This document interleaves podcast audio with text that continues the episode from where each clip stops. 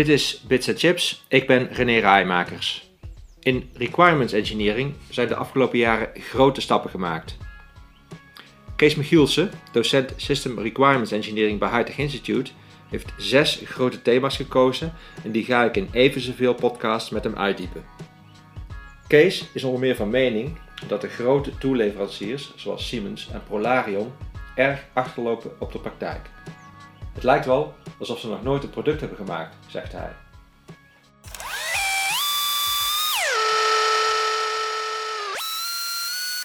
Kees, welkom. Dankjewel. Nou gaan we een serie podcasts uh, maken. Jij zegt dat er zoveel uh, ontwikkeling is en uh, ervaring is bijgekomen in de afgelopen jaren in requirements engineering. Dat ja. het de moeite waard is om een aantal, uh, bij een aantal punten stil te gaan staan. Ja. En die is goed door te nemen, ja. mensen een update te geven. Kun jij eens beginnen met, met, met vertellen wa waarom die wereld zo sterk in ontwikkeling is? Dus de requirements engineering. Het is voor mij een, een, uh, een beetje een valkuil om te zeggen van uh, ja, dat is gekomen van, vanwege dit of dat of dat. Dat doe ik denk ik sommige andere ontwikkelingen echt tekort mee. Ja, maar, maar ja. wat, wat, ik wel heb gezien zeg maar, is, is dat het, het requirement engineering proces uit zijn bubbel is getrokken. Hè. Dat het nu gewoon niet als een apart iets wordt beschouwd, maar met met een aparte output die vervolgens zeg maar, wordt omarmd en, en wordt voorzien van tooling, et cetera, et cetera. En dat komt omdat mensen meer op systeemniveau zijn gaan, na, na gaan kijken en Juist. nadenken. Ja, ja, dat is echt een significant verschil. Uh, vroeger uh, werd er eigenlijk alleen naar de, ja, de intrinsieke waarde van, van requirements gekeken, ook met tooling. terwijl nu vooral de focus ligt op, op het uitzoomen en op het, het kijken wat doet zo'n requirement in het geheel van productontwikkeling. Ja. Wat is volgens jou het belangrijkste punt? Als je het hebt over nieuwe inzichten in requirements engineering. Ja, wat mij betreft zijn er een aantal. Okay. We, we, hebben vooral ook traceability, iets wat van oudsher al wordt toegewezen ook aan, aan requirements engineering. Waar gaat het om hè, bij traceability? Het, het, gaat er, het gaat ook om die twee richtingen. Het, het, gaat erom dat wij in staat zijn om een, een stakeholder niet, hoe vaak die ook is, op een eenduidige manier dat hele ontwikkeltraject in te gaan zonder dat wij informatie verliezen tot de juiste implementatie komen. Mm -hmm. dat, dat, is eigenlijk in kort gezegd de, de kern van het requirements engineering proces. Ja. Zorg ervoor dat hetgeen wat de klant wil op een zo efficiënt mogelijke manier, maar wel op een correcte manier wordt geïmplementeerd.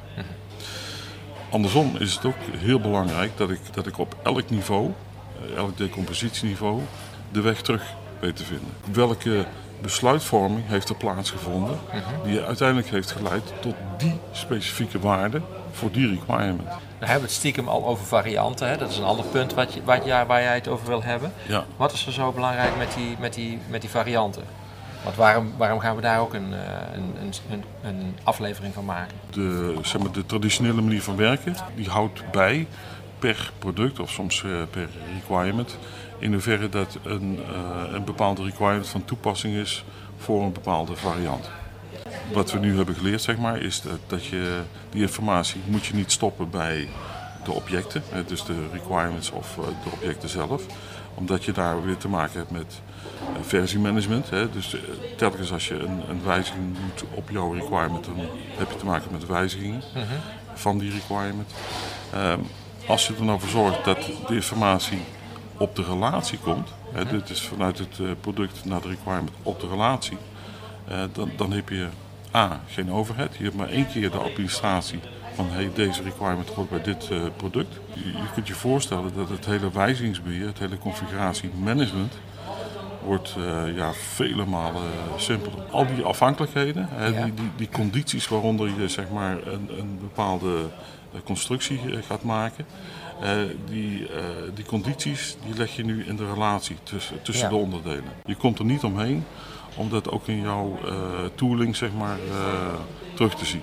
De huidige tooling, en dan hebben we het echt over de, de, de grote jongens, de, de PLM-applicaties. Die kunnen dat niet op dit moment. dus het, ze kunnen het niet, maar ze nee. zouden het wel moeten doen. ze zouden het wel moeten doen. Tooling is ook een, een onderwerp in, in, in de serie. Waarom is dat Ja. zo belangrijk? Want eh, je zou zeggen van nou, de, de, de Siemens eh, en andere PLR, PL Polarion, Ja. Doors, eh, dat, dat, dat zijn allemaal hele grote partijen. Die hebben gigantische ontwikkelafdelingen. Die, het kan niet anders of die moeten bij de tijd zijn. Ja. Waarom, Ja, is, het, waarom, waarom is het wel een issue? Om, omdat, omdat ze niet bij de tijd zijn. We hebben echt gigantische stappen gemaakt. En die, die, stappen zijn niet gevolgd door de leveranciers van eh, requirements tooling. Dat, dat is de, de grote frustratie die we hebben. We weten allemaal wat er nodig is, maar als je, als je een willekeurig eh, tekstboek pakt hè, van, van zo'n tool en je, je, je bladert er doorheen, dan, dan zie je gewoon dat, dat ze nog steeds gefocust zijn op die intrinsieke eh, requirements. Hè. De, het koppelen van requirements naar requirements, terwijl dat in de praktijk gewoon nooit voorkomt. Eh, Die, die mensen die hebben nog nooit een product gemaakt, lijkt het wel. Borgen van kwaliteit noemde jij nog. Ja, Waar, Ja. wat is daar, waarom is dat een thema? Want ik zou zeggen, ja, kwaliteit wil iedereen altijd. Dus het is gewoon, een, Precies, een- daar ja. het niet over te hebben. ja. Maar je, op een gegeven moment merk je, als- je echt heel goed nog gaat nadenken over hoe, hoe zorgen we ervoor dat eh, hetgene wat we opschrijven, zeg maar, dat het ook eh, van goede kwaliteit is. En dan, dan het eerste wat dan bij je opkomt is die intrinsieke kwaliteit. Hè? Van Dat je de juiste woorden gebruikt, dat je goed kwantificeert en, eh, en dat soort dingen. Dus dat je zeg maar, objectief kunt beoordelen of dat een requirement een goede requirement is. Hè? En wat, wat blijkt nou? Dat is maar een derde van eh hetgeen wat een requirement tot een goede requirement maakt. Je zou dat vakmanschap kunnen noemen. Hè? Dat, dat stukje van ik kan een goede requirement construeren, zeg maar. En, en dus dat vakmanschap, dat, dat maakt maar een derde uit van Juist. wat als goede requirement wordt gedefinieerd. Ja, ja. Je, je hebt namelijk naast die intrinsieke kwaliteit, Ja. heb je te maken met extrinsieke kwaliteit. En dat is hoe mensen het ervaren. Ja. En je hebt dus mensen die aan de voorkant zitten, die hebben geleid tot die requirement. Dat zijn jouw stakeholders. Hè? En, eh, die, die gaan jouw requirement beoordelen vanuit, heb jij mij wel goed begrepen? Dat is een, een subjectieve eh, kijk op jouw requirement. Ja, maar krijg je daar dan invloed op? Ja, zeker. Want je, je moet die lust namelijk met die stakeholder, die moet je gaan leggen. keren doen. En die ga je uit de weg als engineer. Dat blijkt in de praktijk. Ja, ja, de engineers die hebben, vinden dat niet zo leuk, klanten. Hè? Oh, dat is nee. eng. Dat is doodeng. ja, maar dat is echt waar. Ja. Eh, Zo'n requirement, die gaat naar iemand die gaat daar een oplossing voor bedenken. Ja. Maar die gaat daar met andere ogen naar kijken. Zeg van, wat je nou opschrijft, dat, dat, dat kan ik helemaal niet testen. Ja. Hoe, hoe ga ik straks aantonen dat dat eh, goed, eh, goed is geïmplementeerd? Ja.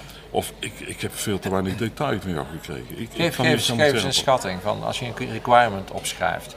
Hoeveel mensen gaan daar gemiddeld naar kijken in een heel ontwerp- en ontwikkelproces? Nou, als, als ik alleen zeg maar de, de ervaringen die ik nu heb bij, bij ASML even eh, na- naar boven haal, dan zijn dit echt tientallen, Tientallen mensen. mensen, ja. Ja. En jij vermoedt dat dat in high-tech omgevingen Dat is gebruikelijk.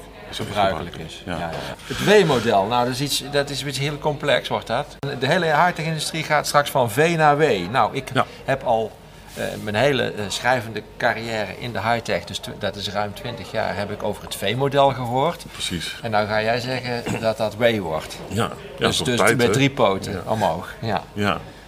Ja, dat klopt. nou, En, kort, eh, misschien kort, eh Kees. he- heel kort. eh, het, het begint allemaal bij zeg maar, het eh, besef dat wij via een, een functionele breakdown, dus zeg maar, de traditionele linkerpoot, hè, via die traditionele functionele breakdown, niet alle requirements kunnen meenemen. Eh, het geldt onder andere zeg maar, voor de, de fysieke eigenschappen van producten, massa, volume, dat soort dingen. Ehm, dus, dus het eerste wat we ontdekt hebben is dat het ehm, eh, verstandig is om twee parallele trajecten te starten in, in die linkerpoot. En dan blijkt ook nog dat je, in, in tegenstelling wat vaak wordt eh, eh, verteld, in de opgaande poot niet dat, datgene kunt testen wat je hebt gespecificeerd. Dus omdat het vaak wordt gedistribueerd over verschillende fysieke modules, Ja. Eh, ben je niet in staat om, om eh, die specifieke subsystemen zeg maar één op één te testen aan, Ja. de rechterkant. Dus als je, als je zeg maar over een, een, een subsysteem hebt, dan bestaat dat vaak uit verschillende onderdelen. Ja, En omdat eh, dat hele, dat, die hele functie die werkt pas als eigenlijk de hele machine is samengesteld. Dus eigenlijk zo'n module is eigenlijk verdeeld over, over een machine. ja, dus eigenlijk kun je pas heel laat testen en niet in, in het begin, wat je eigenlijk zou willen.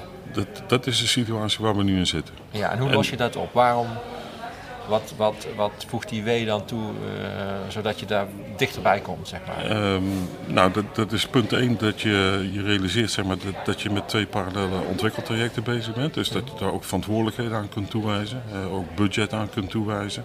Uh, dus dat je als je aan het eind komt van, van die ontwikkeling, -huh.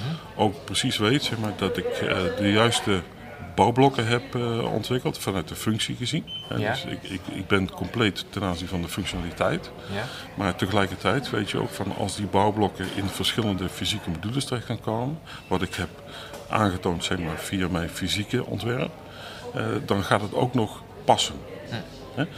En uh, door nu niet meteen zeg maar, de stap te maken naar integratie en, en test, maar eerst, voordat je überhaupt iets eh, gaat laten maken of, of zelf maakt, eerst via een, een, virtuele functionele integratie en een virtuele fysieke integratie, eerst vaststelt, dat is die opgaande poot in het midden, dat het ontwerp klopt, dat het doet wat het zou moeten doen en dat het gaat passen. Ja.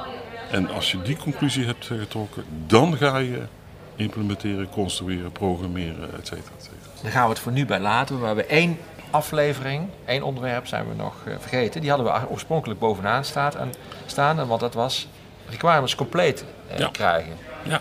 Je zou zeggen van ja, dat is natuurlijk jaar en dag proberen natuurlijk mensen altijd requirements compleet te maken. Waarom, waarom moeten we daar aandacht aan besteden? Ja, omdat het ook in de praktijk uh, ja, blijkt heel lastig te zijn om zeker te stellen dat jouw requirements specificatie zeg maar, compleet is. Mm -hmm.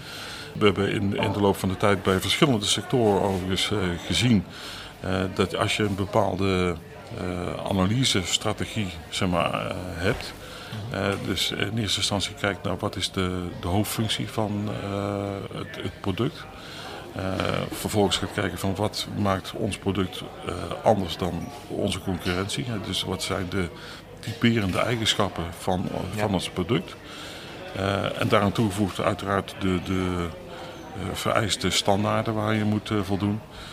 Dan hebben we gezien dat, dat het leidt tot een compleetheid van de productspecificatie.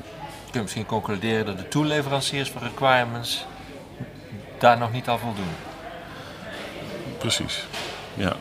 Oké. Okay. Nog onvoldoende gekeken naar de gewenste eigenschappen van... Uh... Ik zie uit naar onze gesprekken uh, waarin we al die onderwerpen wat meer gaan uitduwen. Ja, maar goed. Dankjewel alvast, uh, Kees. Graag gedaan, René.